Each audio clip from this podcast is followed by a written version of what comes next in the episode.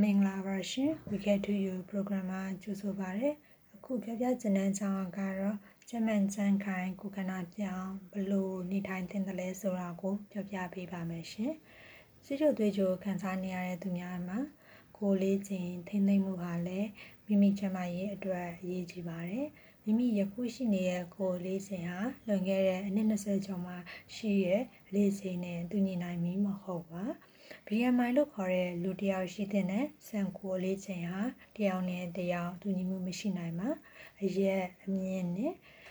ကိုလေးချိန်ကိုအချိုးချပြီးတွက်ချက်ရတော့ကြောင်းဖြစ်ပါတယ်။ပုံမှန်အားဖြင့်လူတစ်ယောက်ဟာ BMI ကို18နဲ့25ကြားမှာရှိတင်ပါတယ်။သို့တော့စံကိုလေးချိန်ဟာ30ကျော်လင်အဝါလွန်နေသည်ဟုရေပူရအားဖြင့်သတ်မှတ်ကြပါတယ်။ ထို့ပြင်ခါလုံးပိုက်အတိုင်းတာဟာလည်းရေးကြည့်ရဲ့အချက်တစ်ခုအနေနဲ့ပါဝင်ပါတယ်။အမျိုးသမီးများတွင်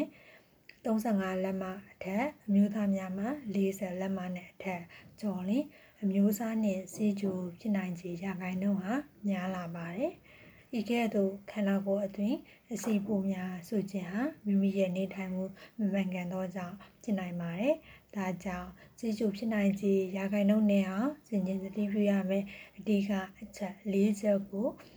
ပြောပြပေးသွားပါမယ်။ကျန်းမာရေးနဲ့ညီညွတ်တဲ့အစားအစာစားသုံးခြင်းကိုယ်လက်လေးခြင်းငန်းပုံမှန်လုပ်ပေးခြင်းအေးရေးဝအောင်အိပ်ဆက်ခြင်းစိတ်ရွှေလန်းတက်ကြွအောင်နေထိုင်ခြင်း တို့ကိုပြုလုပ်နေထိုင်သင့်ပါတယ်။အကြံပြုထားတဲ့အချက်များရှိအောင်တတိပြုလိုက်နာခြင်းသုံးခြင်းအပြင်စီချိုသွေးချိုမပြေအောင်ကာကွယ်နိုင်မှာဖြစ်ပါတယ်။အားလုံးပဲကျေးဇူးတင်ပါတယ်ရှင်။